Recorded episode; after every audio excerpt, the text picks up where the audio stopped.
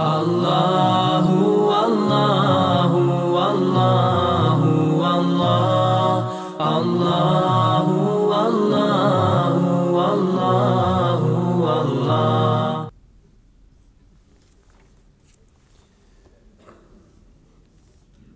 إن الحمد لله تعالى نحمده نستعينه ونستغفره ونستهديه ونعوذ به من شرور أنفسنا ومن سيئات أعمالنا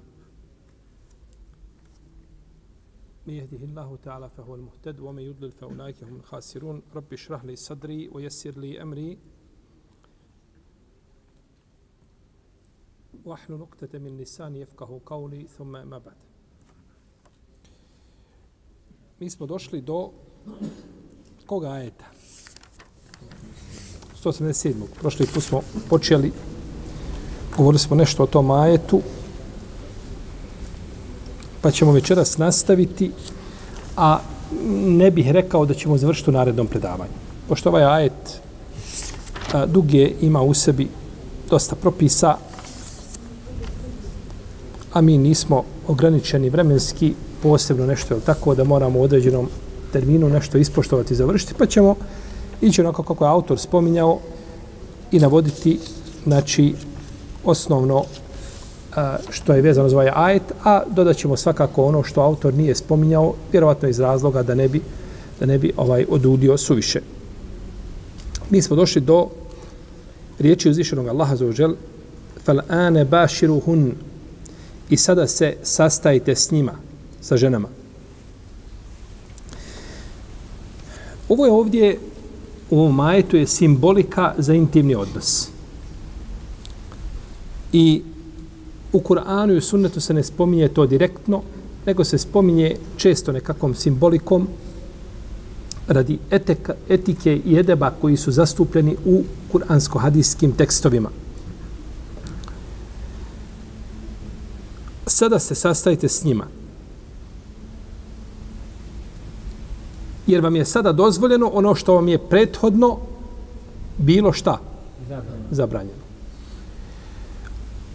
Ovaj ovdje a, dio ajeta je objavljen povodom događaja Omera, radijallahu ta'ala. Povodom događaja Omera, a nije povodom događaja Kajsa ibn Sirme. Ko je Kajs ibn Sirma?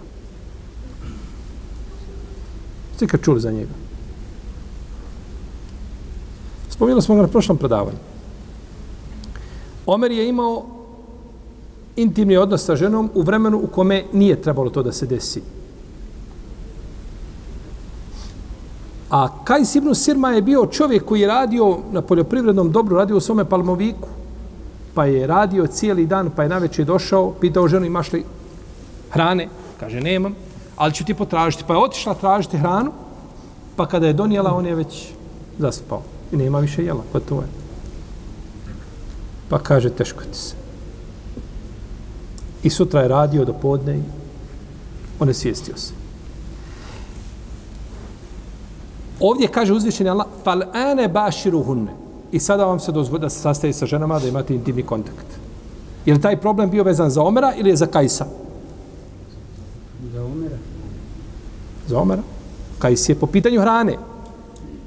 Kajs je, znači, ono što se veže za Kajsa, radijallahu talanu, jeste pitanje konzumiranje hrane. Pa se, pa je ovo ovdje, znači, vezano za Omera, radijallahu ta'ala, anhu, i zato je ajet počeo ovim. Fal ane baširuhunne. Obtegu ma ketab Allahu lekum. I žudite za onim što vam je Allah odredio, što vam je propisao. U vezi s ovim ajetom kažu Ibn Abbas i Hakem Ibn Ujejna i Ikremeja, Hasan i Sudi, i Rebija, Bahak i drugi, Ibn Abi Hatim Razi navodi u svome tefsiru 14 učenjaka iz Selefa, što ashaba, što tabina, da su protefsirili ovaj ajet i vi sada žudite za onim što vam je Allah odredio, kažu to je, kažu to je dijete. kažu šta to je? Dijete. Zašto skazao da je dijete? No, to je prije toga spominje se, tako? Spominje se tim, znači, logično je da bude, jer to je povezano. Znači, značenja su povezana.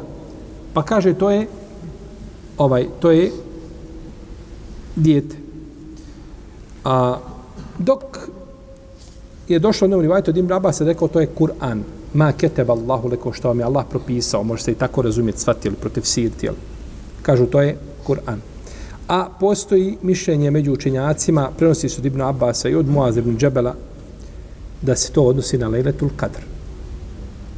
Žudite, tražite to što vam je Allah propisao, propisao vam je noć Kadra, pa nastojite da ovaj, jer su ajeti vezani za šta? Za post. Tako, za namazan, za post. A u Ramazanu je znači Lejletul Kadr. I kad se spominje post, uglavnom se spominje tako Lejletul Kadr i obrnuto. Pa i to mišljenje znači nije isključeno, međutim većina selefa kažu da se ovdje odnosi na potomstvo. Sajet odnosi na potomstvo. Neki učinjaci kažu ne. Ovo se ovdje odnosi na korištenje olakšica. Na korištenje olakšica. Jer Allah je vama propisao šta? Propise i propisao mi je olakšice. Jel tako? Kako Allah voli da koristiš, da izdržavaš njegove obaveze, tako voli da koristiš njegove olakšice. A ovdje se, ovdje je riječ o čemu? O olakšice. Ima li taj tefsir svoje mjesto? Svakako. Znači, to je, to je ovaj, uh, to je tefsir koji je odabro Ibn Atije, Lendalusi. I kaže, to je tefsir Katade, i kažu da, da, da bi to, da je taj tefsir lep da bi mogao proći. A neki učinjaci kažu i žudite za onim što vam je Allah propisao, kaže to su robinje i to su supruge, se ženite. U svakom slučaju postoji, postoji čak učenje o tebi i slijedite ono što vam je Allah propisao. Međutim, ovaj, poznato je tako u kirajetima da je to u obtegu. U okulu o šrebu. I jedite i pijte. Jedite i pijte. Vokulu okulu o.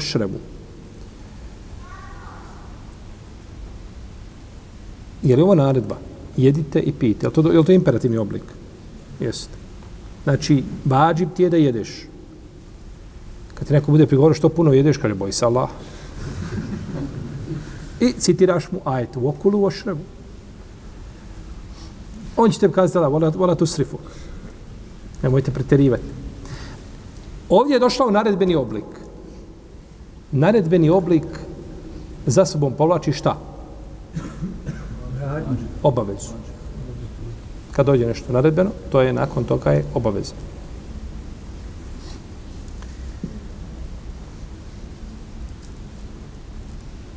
Ovo je odgovor, dobro, a kako bi, kad bi neko rekao dobro redu, neko vama dokaže ovim ajetom da je jesti i piti obaveza.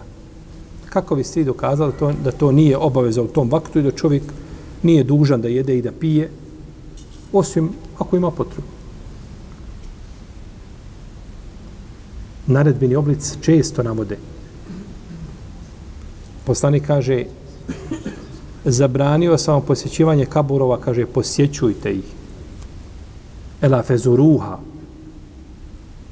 Fe innaha tu zakirukumul ahire. Oni vas posjećuju na ahiret, kaburovi. Znači, posjećivanje kaburova je vađiv. Mi se kazati, ma nije vađiv. Tačno, nije vađiv. A neko ti dokaže hadisom da je vađiv.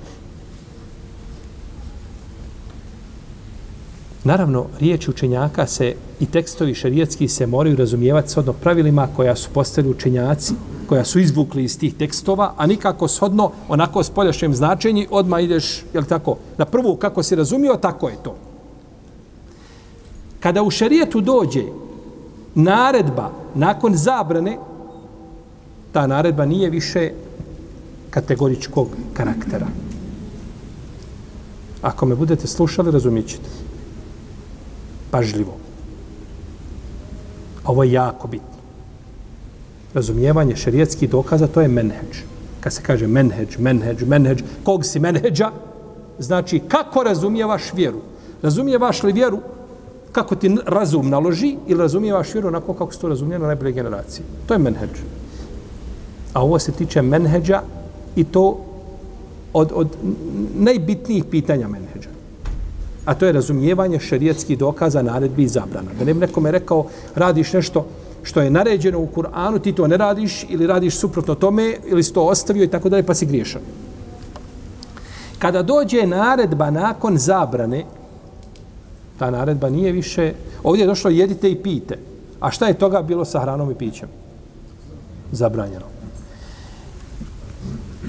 Kad je rekao poslanik, posjećujte kaburove, šta je bilo prije toga? Zabrana. Kuntu nehejtu kuman zijaretil kubur, ja sam bio zabranio da posjećujte, posjećujte ih. Nakon zabrane došla šta? Naredba. Nakon zabrane došla naredba.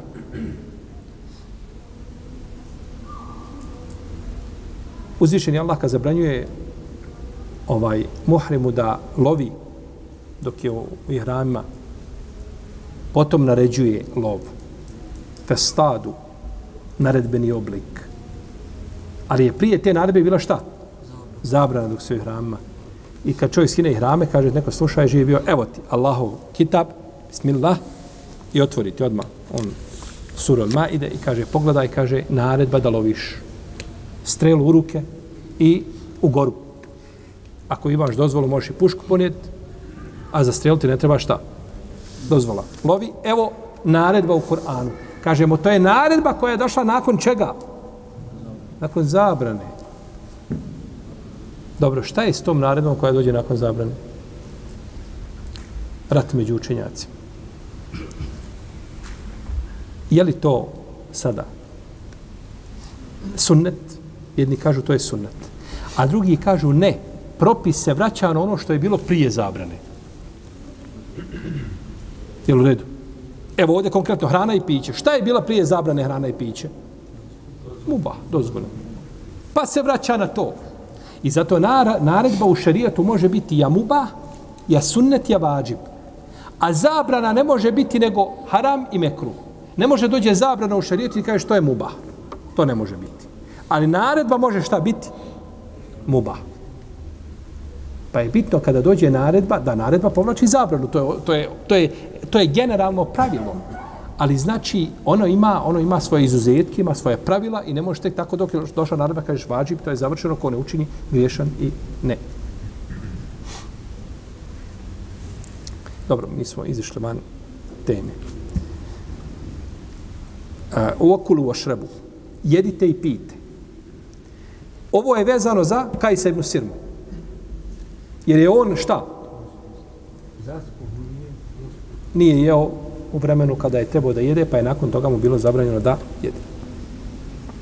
Ali je u ajetu uzvišen je Allah počeo sa intimnim kontaktom zato što je ono ciljano ovdje u ajetu. Je li ciljano ili je ciljano? Kako ajet počinje? Uhilla lekum lejlete sijam, a rafesulani sajko. Dozvoljavamo se, znači, da prilazi tvoj Znači, govori se o tome. Jer je to bio problem osnovni, pa se o tome priča, pa je nakon toga spomenuto, ha, obtegu maketeba Allahu lekum, wakulu vašrebu hata je tebe jene lekum. Je tako? Pa je ta, znači, taj poredak došao onako kako je, znači, kako nalaže kontekst ajeta, odnosno događaj, koji, ste događaj koji je bio, znači, izbog koga su došli ovi ovi ili ovaj ajet. Hatta je tebejene lekum el hajtul ebjedu min el hajtul esvodi min el feđr. Dok ne budete mogli razlikovati crnu nit od bijele niti zore.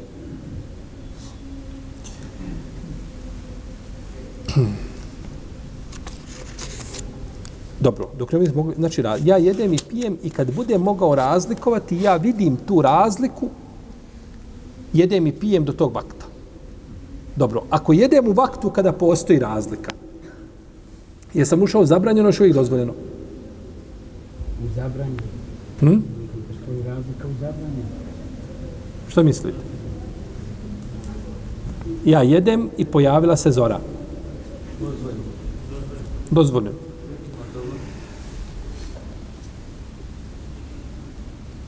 Ne smije, braćo, čovjek ući u zoru sjelom i pićem. To je zabranjeno. Do. A, do. Smiješ jest dotle. Dok se pojavi, prekida se. Ne smije se, znači, posle toga više jest. Iako islamski učenjaci se razilaze,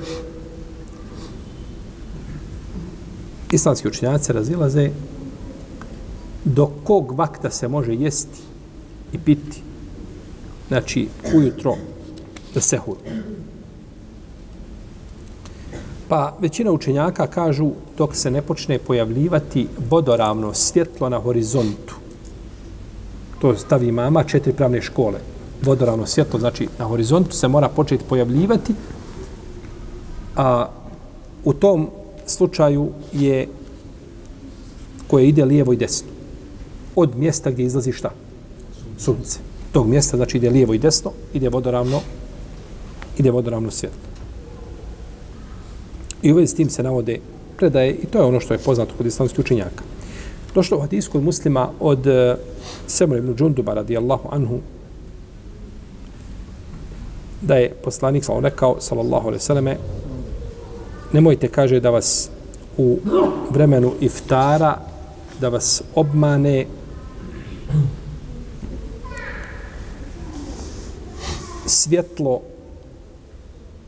eza, Bilalov ezan i svjetlo koje pada kao snop svjetlosti prema horizontu. Sve dok se kaže ne pojavi vodoravno svjetlo. Je to svjetlo koje pada prema horizontu, to je lažna zora. Ona nastupa prije prave zore, negdje je uočljivija, negdje je manje uočljiva, ali u osnovu ona nije posle te zore nastupa tama. Pojavi se svjetlo i misliš gotovo zora, a u stvari ta nestane, znači tama biva i onda nakon toga ponovo biva a, nastupa tek onda nakon toga a, prava zora. Došlo u hadisu Ibn Mesauda radijallahu ta'ala, koga bilježi muslim u svome sahihu, da je poslanik sal rekao, zora je, ili kaže, nije zora kada se ovako desi, pa je sakupio prste i ukrenuo i prema zemlji ovako spustio. To je kada pada šta? Snop svjetlosti s neba, znači prema horizontu. Nije tako zora.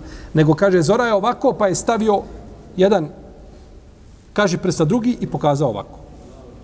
Znači nije kada je snop, nego kada je vodoravna, znači svjetlost koja se pojavljuje na strani gdje treba izaći sunce lijevo i desno. Od mjesta izlaska sunca. Jer sunce kako izlazi, naravno ta tačka gdje sunce izlazi, ona je najosjetljenija, je tako, prilikom izlaska sunca. I onda se ona kako izlazi sunce, tako se ona polako širi, jeli, lijevo i lijevo i desno. I zabilježi imam Dare Kutni, kaže autor, zabilježi imam Dare Kutni od Abdurrahmana ibn Abbasa, kaže, do, do mene je doprlo da je poslanik, sallallahu sallam, rekao, imaju dvije zore. Ima jedna koja je poput Zenebu Sirhan, poput vučijeg repa. Sirhan je vuk. A neki učinjaci kažu, e, lingvističar, da je to lav. Poput repa, misle se. Iako je poznato kod učenjaka četiri pravne škole, da je to vuk. To je ono što je poznato. Da je poput vučije grepa. Misli se da pada snop poput repa. Kaže, i ta zora ništa ne zabranjuje dok se ne pojavi vodoravno svjetlo, u njemu je dozvoljeno klanjati, a zabranjeno je jesti i piti. I ova je predaja Mursel, kako kaže Imam Dare Kutni, kako kaže El Bejheqi, da je Mursel. Zašto je Mursel? Hm? Kako?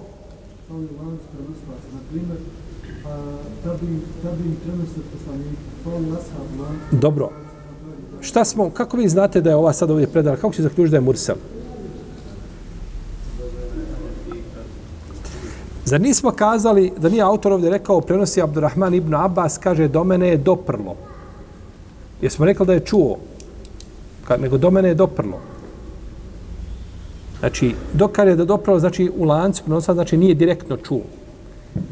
Iako Asab može reći da je, da je poslanik rekao, iako nije to čuo. Jel u redu? To je drugo. Ali ovdje prenosi Abdurrahman ibn Abbas, iako je poznato da je ovo u rivajetu kod Arekutnija ovo prenosi, ovo prenosi ovaj rivajet Muhammed ibn Abdurrahman ibn Seuban. Nije Abdurrahman ibn Abbas kako je spomenuo autor. ni kod Dare Kutnija, ni kod Ebu Daudom Mursel hadisima, ni kod Imam Al-Bejaqija. Svugdje ovo prenosi Muhammed ibn Abdurrahman ibn Seuban. Pa ne znamo dakle da li je ovo štamparska greška ili kako uglavnom u Omer i je došlo. Ovaj, a i on je isto tabin. Pa je Rivajet Mursel u svakom slučaju. Samo je stvar koga sada, šta? Koga prenosi. Neki učinjaci kažu dozvoljeno je jesti piti dok se ne vidi zora po putevima. Znači, voziš auto i ne treba i svjetlo otprilike. A već se zora, već to je već dobro. Da bi zora vidjela se na putu da je to negdje kad ti ideš napolje da je stupila zora, to je i to je ovaj znatno kasnije nego ono što se pojavi gdje na na horizontu. Dobro kasnije. To znači prođe dobar vremenski period da bi se to vidjelo na putu da je nastupila zora, da čovjek otvori oči, ne gleda nigdje na, na, na, znači na horizont da kaže gotovo zora je nastupila.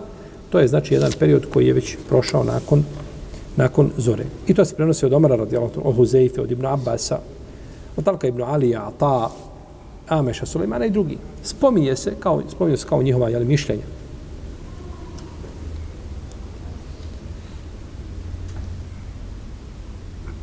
Kažu da čovjek treba, znači kada se primijeti to na putevima,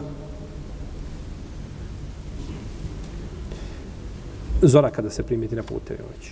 Dok kaže me sruk, kaže oni nisu, misli prethodnici njegovi, tako da sahaba pozni nisu, kaže, gledali zoru kao što vi gledate. Kaže, oni su gledali zoru kad napuni kuće. Kad u kući sjediš i primetiš da je zora, znači to se i dobro razdavno, tako? E onda tek šta? Prekidaš sjelom i pićem. Ima rivajet kod Nesaje od, od Asima, od Zira, da je Huzeife, radijallahu ta'ala, rekao, upitali su, kaže, kada ste vi se hurili s poslanikom, salao salame, kaže, bio je dan, ali samo sunce nije bilo izišlo. Bio je dan, ali sunce nije bilo šta? Izišlo.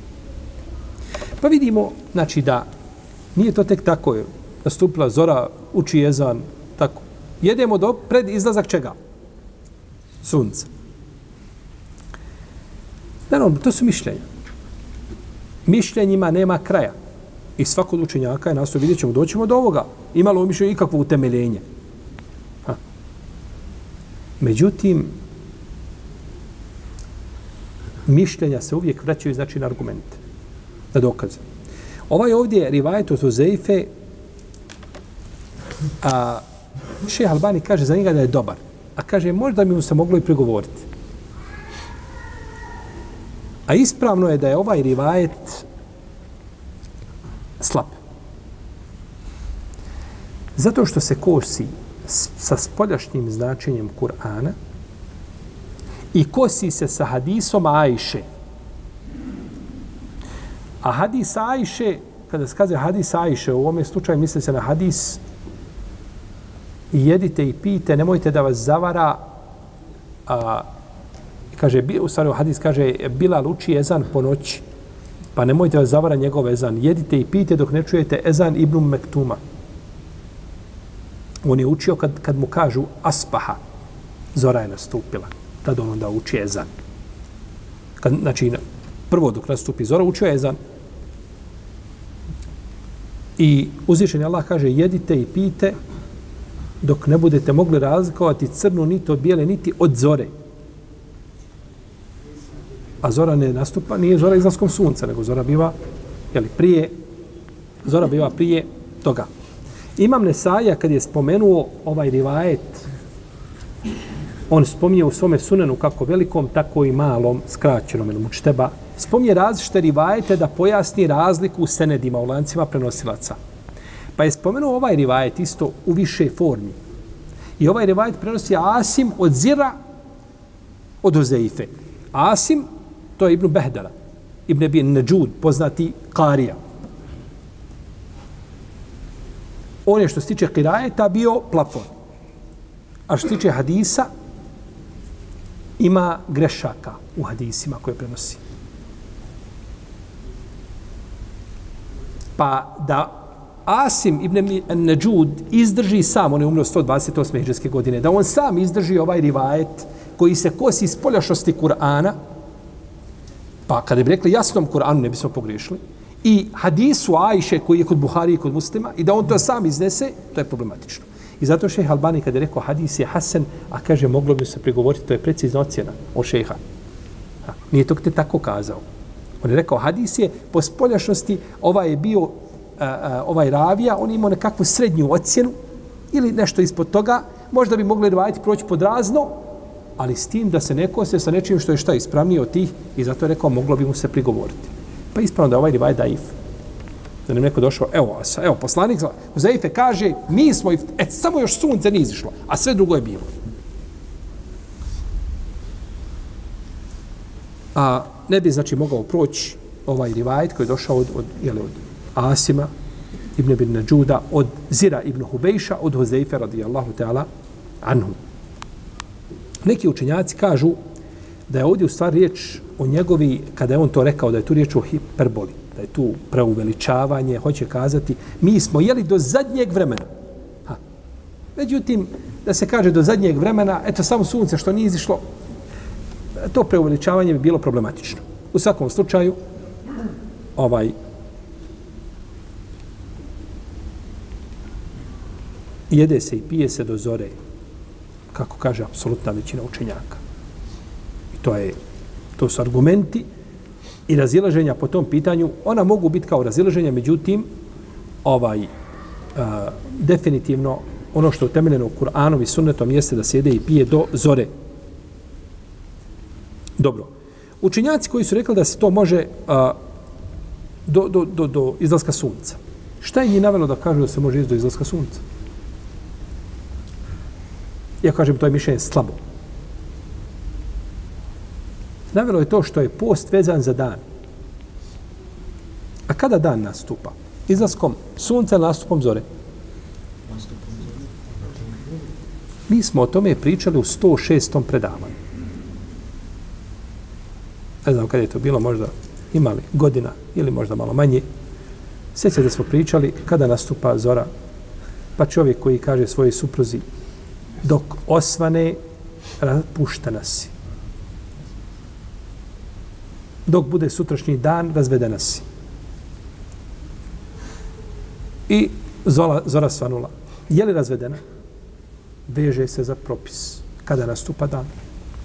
Ispomenuli smo, ako se sjećate, primjer, radnik radi, čovjek koji kaže mu radit ćeš od početka do kraja dana evo ti firma, evo ti ključevi i on ode u Australiju. I ostavi, ovaj radi tri godine, vodi firmu od početka dana. Ovaj mišljenja da je početak dana izlaskom sunca. A ovaj mišljenja da je šta? Nastupom zore. Koji je u pravu? Tome smo davno pričali i kazali smo da je najjače mišljenje da dan počinje nastupom čega? Zore. Zore.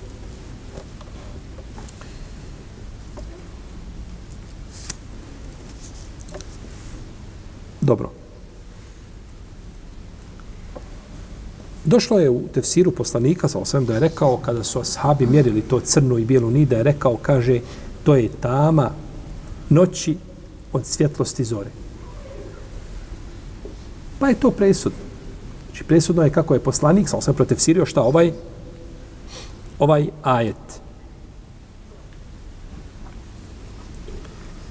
I zato ovaj pogrešno je kad čovjek pita, postavlja pitanje, kaže, dobro, a ima li drugo mišljenje?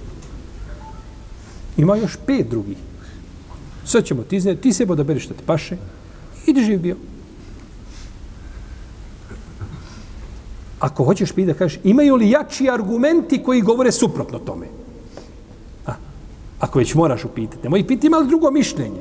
Mišljenja ima puno. I ti ćeš sad odabrati nešto tamo najslabije, ali baš ti to godi. To ti treba nego kaže ima li jači argumenta da govori suprotno tome. To bi već moglo proći. Jer tad ne traži šta? Olakšice koje su neosnovane. Jer dosta puta olakšice biti neosnovane. A ako je argument jači i govori suprotno tome, on će kazati to je osnovana olakšica, nije problem. Pa je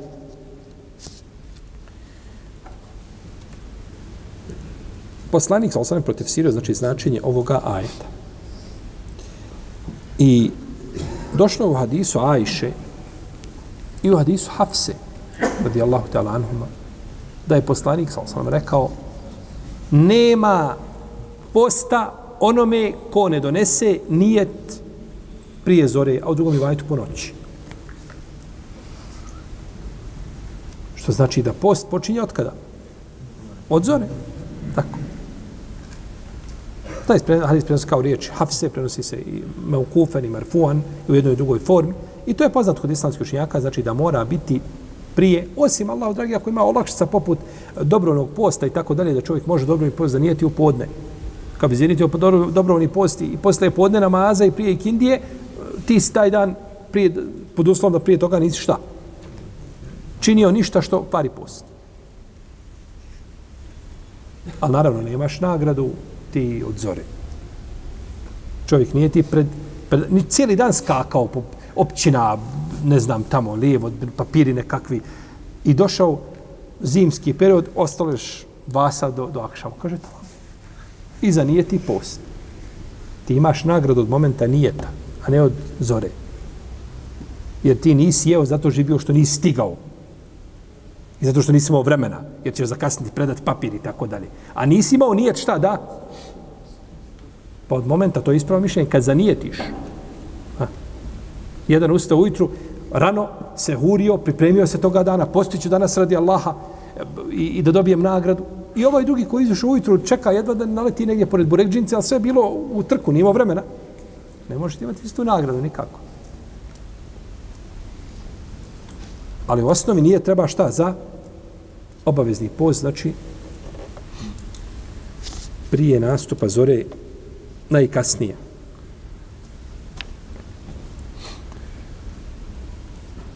Dobro. Pa je u ovom hadisu, znači, da ne vredi post onome ko ne nijeti od zore, dokaz da da zoran, da zorom znači nastupa dan, a ne prije, a ne posle toga. I mislimo na izlazak ili sunca ili kada se razdani, već je prije toga nastupilo. Naravno, ovdje ima jedan izuzetak da je poslanik, autor to nije spominjao ovdje, vjerojatno iz razloga da, da ne, ne, ovaj, ne oduli sa komentarom ajeta, Došlo je kod imama Ebu Davuda u Sunenu i došlo je kod, kod imama Ahmeda u Musnedu od Ebu Horeire radijallahu anhu da je poslanik sa osaname rekao u vjerodostojnom predanju ko od vas čuje ezan a u ruci mu posuda neka ne spusta posudu dok ne ovaj napije se jel? znači ti si se hurio i ostalo ti uzeo vodu da ćeš piti kad muezin Allahu ekber, Allahu ekber. I znaš da tačno muezin učini u vremenu kad nastupi zora. Tu je došla, tu je došao iznimka došla, olakšica u tom pogledu. Jer uzvišeni je Allah nije nam u vjeri ništa teško propisao, želi da nam olakša, ne želi da nam oteža. Međutim, čovjek je ovo pio, pio, pio, popio, koliko je popio, i nakon toga sad da pije posle zore. Gotovo. Ti su uzeo svoju potrebu. Ali čovjek koji je, znači, jeo i nije uspio, znači, da se napije, ili mu ruci posuda popio pa nije dovršio i čuje ezan, može. Ali da on čuje ezan i on trči tamo negdje iz, iz kuhinje, u, iz dnevnog boravka u kuhinju i traži po frižderu šta ima za pit, da nema. Kažemo, ako ezan se uči u vremenu pravom, znači sa nastupom zore, tada je završeno, nema, nema konzumiranja ovaj ničega što kvari što kvari post. Pa je ovo došla olakšica ovaj e sad da li se misli ovdje kaže kaže se ovaj on drži posudu, znači posuda mu je u ruci, ta iz koje želi piti čaša, šta pije.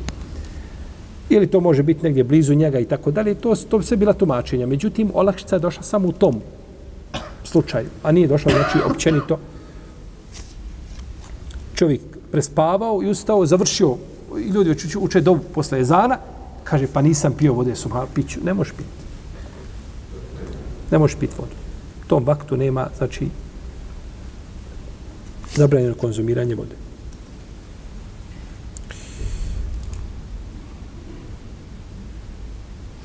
Znači, post je ibadet koji ne vrijedi bez nijeta.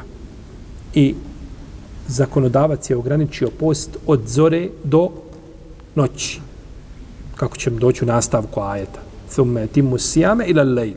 Potom potpunite post do noći. Pa je jelo i piće dozvoljeno do zore a, smo spominjali zadnji put hadis kada je objavljen ajet dok ne budete mogli razlikovati crnu od bijele niti, ali nije spomenu, nije objavljeno od zore. Pa su ashabi vezali konce za noge i gledaju na jedan na jednoj bijeli i crni i onda gledaju kada, kada, kada, će, kada će moći razlikovati koji je kakav. Pa je onda objavljeno minel fajr od zore, pa su znali, ma ne cilja se to. Nije ciljano, stvarno, nisu ciljani konci, nego se cilja, cilja se nešto drugo. A zašto se ovdje spomenuti konci? Zato što kad zora nastupa, ona izlazi poput, ona, ona nit, jel tako, izlazi iz zore, ona izbija polako i zato se poisto veće s končićem u protivnom. Nije ciljano šta? Nije ciljano to spoljaše, znači značenje. Pa je rekao, Ibn Bi Hatim je rekao, ili, ili Adi ibn Hatim, ashab, on je rekao poslaniku, sallallahu u vezi s tim končićima, pa je rekao poslanik, sallallahu kaže, ne, to je, kaže, noć, tama noći i bjelina dana. To je su tama noći i bjelina dana.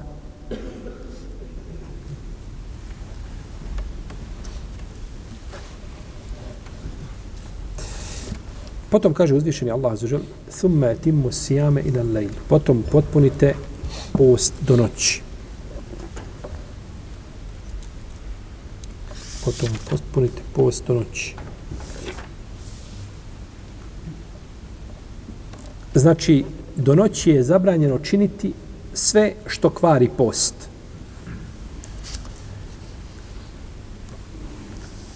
A nakon toga, naravno, osim putniku i bolesniku, oni su oslobođeni od tako postaju. Ženi koja je od ciklusu i slično tome, ko, kategorije koje znači oslobođene posta.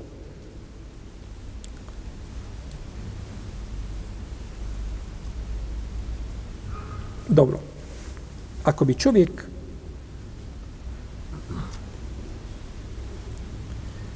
namjerno prekinuo post u Ramazanu, bilo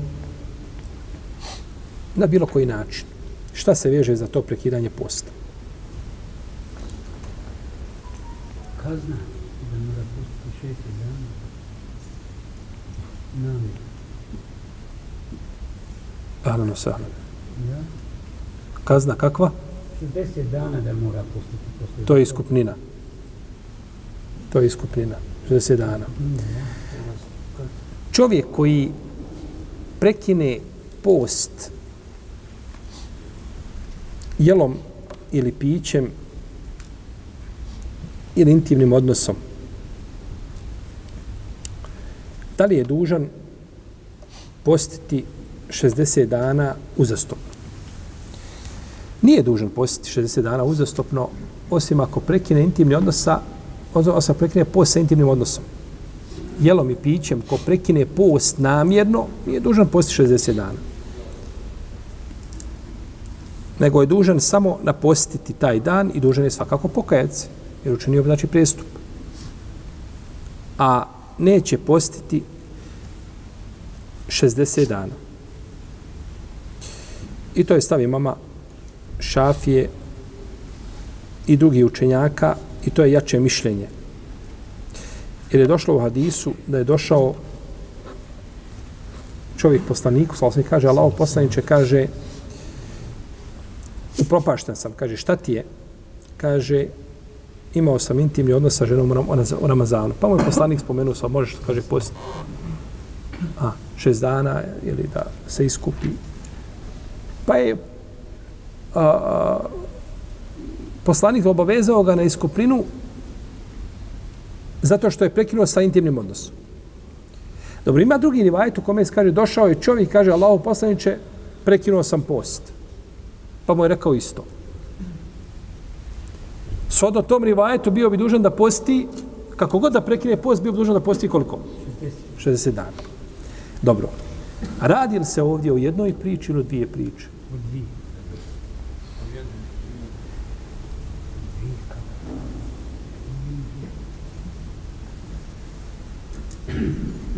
Predmet je razilaženje među učenjacima. Razišla se u nama. Da li se radi o jednoj ili dvije priče? Oni koji kažu da se radi o dvije priče, oni kažu mora kako god čovjek prekine post, mora iskupiti sa 60 dana posta. Ili tim redosledom, ako ne može ide dalje, doćemo do toga. A oni koji kažu da je priča jedna, oni kažu ne, ovo je opća priča ili skraćena verzija priče, došlo da je prekinuo post, a u stvari u osnovi priče se navodi šta? Intimni odnos. Pa je tu razlika. Dobro, kako ćemo mi znati su li jedna ili dvije priče, a mi živimo 1400 i nešto godina poslije ovoga događaja.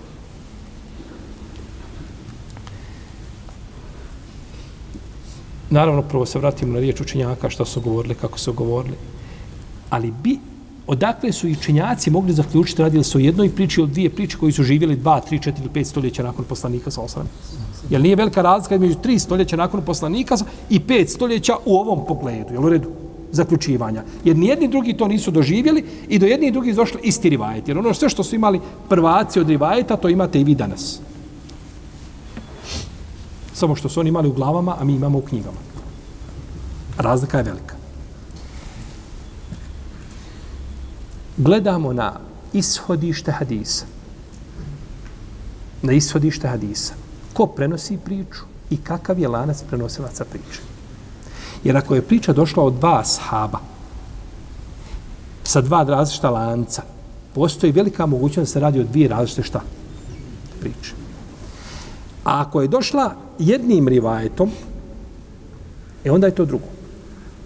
A ovaj, ova je priča došla rivajetom Zuhrija, Muhammeda ibn Šihaba i Zuhrija, od Humejda ibn Abdurrahmana ibn Aufa, od Ebu Hureyre. To je njen lanac. I s tim lancem je došla ova priča. I nakon Zuhrija onda se oni što prenose se razilaze. Pa je znači ishodište priče šta? Jedno. Postoji li mogućnost da se priča desila dva puta, pa je prenio Ebu Horeire, a od Ebu Horeire tu priču dva puta prenio a, Humeid ibn Abdurrahman ibn Auf i od njega prenio dva puta Muhammed ibn Šabe Zuhri. To je teško. To je gotovo nevjerovatno. Ista dvije priče, istim lancima prenosilaca dva... Pa dok ima jedan lanac, jedno ishodište, i lanac ide jedno vrijeme, on ide sam, pa se nakon toga grana, znači riječ je o ravijama koji su preneli šta? Skraćeno, a nisu dvije priče. To je argument, dokaz jako onima koji kažu da je jedna priča. I prije da će biti da je tako.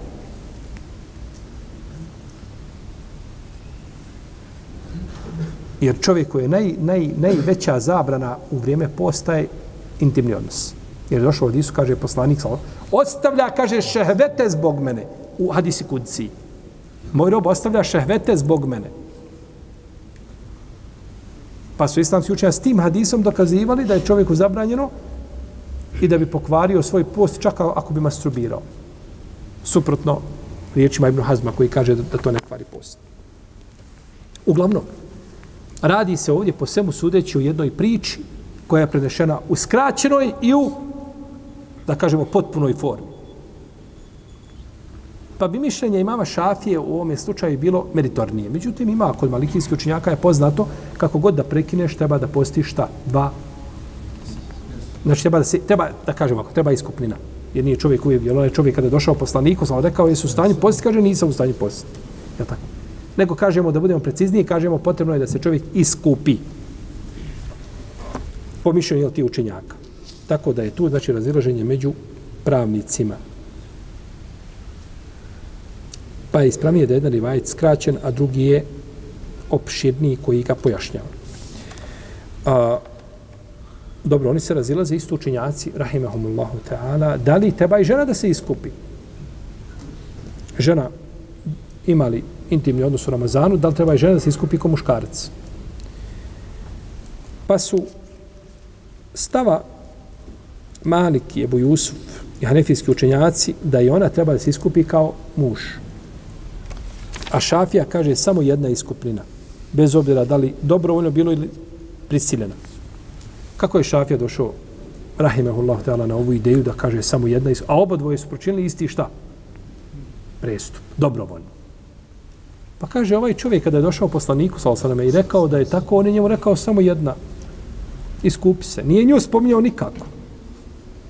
A to je vakati vrijeme kad poslanik sa osrme, kad mu je, znači, dužnost da pojasni šta, propis i da ne ostaje propisa ništa šta. Jer poslanik pa nije braćo pričao nejasnim riječima. Kaže nešto, e, ne, nisam ja to ciljao, ja sam ciljao nešto drugo. Nema toga. Zato su riječi poslanika jasne i Kur'an na jasnom arapskom jezikom i riječi poslanik dat mu je zgrovit govor i onda on tebi kaže jedno, a cilja drugo. Gdje tu je zgrovit govor? To je, za, to je samo za onu elitu vrhunsku koja može tako razumjeti šta si Allah poslanič u tom momentu htio da kažeš. Po pitanju propisa, znači kada bi govorio poslanik, sam sveme, govorio je jasno da i svako razumije. I on je rekao tom čovjeku iskupi se, ženu nikako ne spominje. Kaže, imam šafija, šta? To je dovoljno da je dovoljna jedna iskupljena. Naravno, imamo mišljenje kod islamskih učinjaka, i to se pripisuje imamo Ibu Hanifi, da je rekao, ako je ona dobrovoljno pristala to, ne, ako je prisiljena, onda bi trebala se iskupiti. Ako je prisiljena, ne treba se iskupljivati. A ako je bilo dobro, treba. I ovo je mišljenje jako. Ova podjela da se tiče prisile ili ne prisile, je tako? Pa i zaborava. Jer supružnici kad bi zaboravili da je, da je Ramazan. Može se to desiti. Može. Rijetko, ali može. Ne može se isključiti. Znaš što prvi dan Ramazana, drugi, niko ne posti, on god, tekom godine nikad ne posti. Od, Ramazana, od početka do kraja Ramazana i to je to. Prošlo mu 300 i ne znam, 30 dana ili manje od toga, nije nikako postio i nakon toga dođe prvi dan posta, gotovo on je već u 10 sati, on se fata čaše, jel tako? Ili otvara već frižider i gleda šta ima u frižideru. Može se desiti. Iako neki učinjaci kažu to je, to je teško. Može se desiti. Jeste teško, ali se može desiti. Za razliku od hrane i pića, ali tako to, to, je, to se lakše, de, to se a, može dešavati, ali tako da čovjek kao onaj što je više puta jeo. Postio i jeo više puta. Pa pitao šeha, kaže, ja jeo, pa sam kaže, zaboravio, pa jeo i pio. Pa sam, ali kaže, dobro kaže, postio u potpuni post. Kaže, ali sam ja i kaže, nakon toga opet zaboravio i opet sam jeo i pio. Kaže, ispravan ti je post. Kaže, problem je še što sam ja i treći put zaboravio i jeo. Posti on dobrovni post. Kaže, moj šej, jeste opet je, kaže, post ispravan, ali kaj nisi za post? Nije to, z... ima li kakav drugi ibadet, ima li sadaka, ima li, ima li nešto drugo, nije za tebe post koji tri puta može ne, znači tri puta sjedne, on, on se najede da ne može disati i napije se vode i kolač pojede i kahavu i sve i nakon toga sjeti šta da? Da Vidi ima li kakav dobro ibadet druge vrste. To je za tebe preče.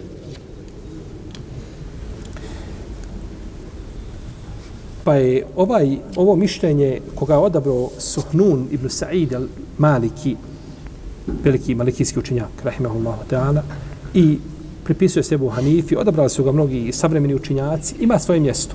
Da je razlika između žene koja je prisiljena ili zaboravila i one koja je to dobro uradila, svjesna da je razlika, pa bi se u tom slučaju trebalo iskupiti jedno i drugo.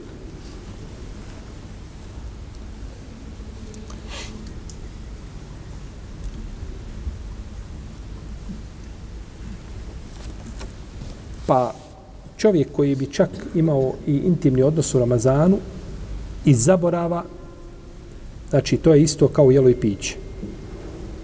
Isto kao jelo i piće. Šta znači to? Nastavi post. Nastavi post i nije dužan da se iskupljuje niti da napašta. Čovjek koji jede i pije dužan da napusti iz zaborava naravno. Tako i ovo isto. Znači, to je stav Malika i Leisa i Ozaje i drugi učinjaka. E, oprostite, Malik i Leisa kažu, kažu da je, da je, da je, da ima, da je dužan se iskupi, a prethodno mišljenje zastupaju i Šafija i Buhanife i, i a, Ishak i drugi učinjaci.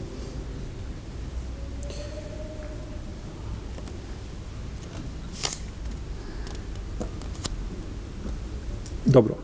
Čovjek jede iz zaborava. Jede i zaborava. I smatra da je time prekinuo post. Potom ima intimni odnos sa ženom. Dužan je samo da napusti jedan dan. Ima oni specijalaca koji u Ramazanu šta radi? On se prvo najede, jel tako da kaže, da je, jelom da prekine post, da ne bio dužan šta da se iskupi. Jedan dan napustiti nekad tamo u zimi, ali tako, u decembru, kad je kraće, jednostavno. To je pokušaj prevare šerijata i vjere. Time on nije skinuo odgovornost. On nije time skinuo odgovornost. Jer ovdje ima i hurmet Ramazana. To se može desiti čovjeku zaborava. Prisila i slično tome. Ali ne može biti da, da, da on pokušava, jel tako da... Ovaj, slušam onog jednog šijskog učenjaka, kaže, kad čovjek želi, kad mu je vruće u Ramazanu, ne može postiti, kaže, neka putuje iz grada u grad. Premijest, premješta se. Jel tako? Dođeš dva, tri dana, osjedneš u Sarajevu, pa malo do Mostara, pa vratiš se gore negdje do Brčkog. Hodaš po Ramazan. To ti je puno zamornije nego da sjediš i da postiš. Pokušaj prevare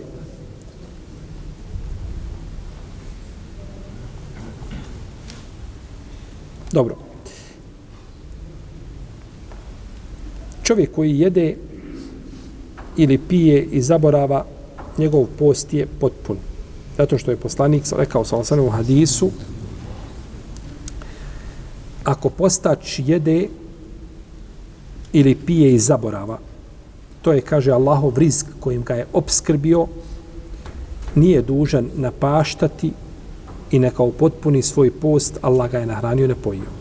Ovako je zabilježio imam Dare Kutni u svome sunenu i kaže za ovu predaju da je vjerodostojna. I kaže za ovu predaju da je vjerodostojna. Ima i hadis kod Buhari i kod muslima.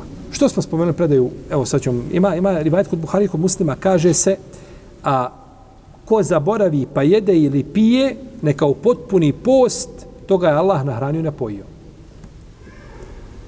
kakva je razlika među ovoga rivajeta i prethodnog? Nema. Risk, fino. A, prvom se kaže ne mora napaštati i ne mora a, to je, znači, znači post bio potpuno ispravan. Ne mora napaštati. A ovdje nije, ovdje kaže neka u potpuni post Allah ga je nahranio i napojio. A postoji mogućnost da napusti? Postoji. Međutim, ovaj rivajet kod Dare Kutnja je pojasnio da nema ništa, nikakvi obaveza, nema ni sankcija, nego samo nastavi svoj post. Nastavi post.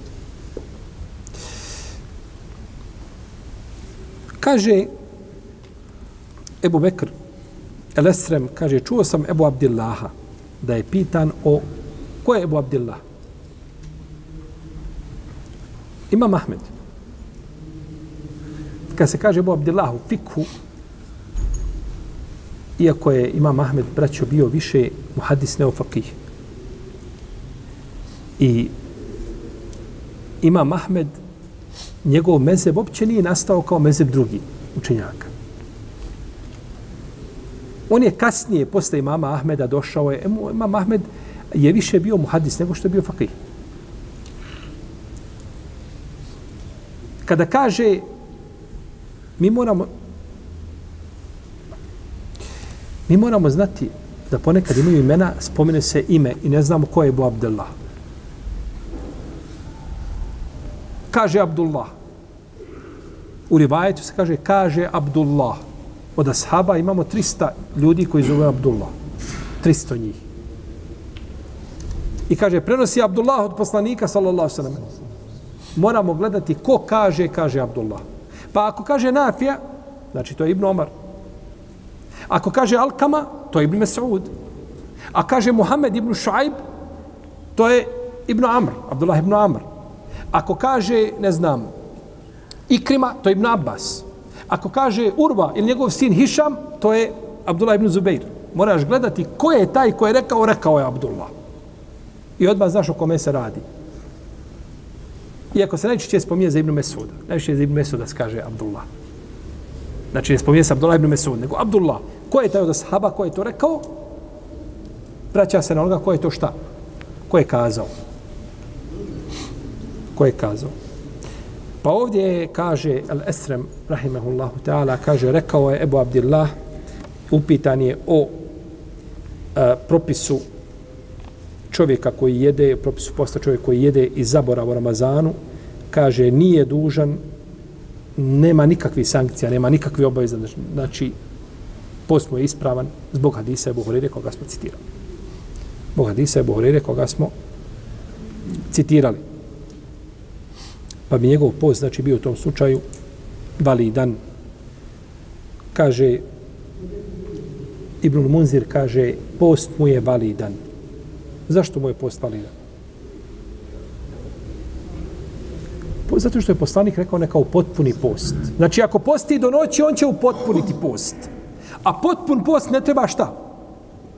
Ništa. To, to je taj jezgrovit govor. Pa, pa, pa, na, sad ti na post ti pot, pa živio, je li post potpun ili nepotpun? Ako kažeš nepotpun, rekao suprotno hadisu. Jer post kaže neka, u, jer kaže se, ha, da je rekao neka dovrši post, to je do, neka ne u potpuni. Znači, do noći kad posti, on je u post. Kako ćeš ga nakon toga obavezivati na nešto što je potpuno, da to šta? Da to nadomjesti ili nadokradi i tako dalje. Nema toga. Pa je, znači, ono što je nadomješteno i što je potpuno ne treba, znači, više opotpunjavati.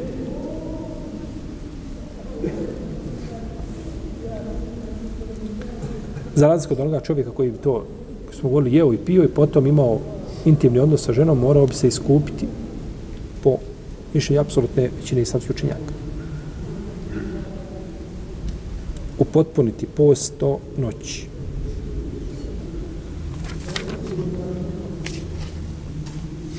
Dobro. Nastavit ćemo u naredu predanju Allah. Ta'ala nam salli vam.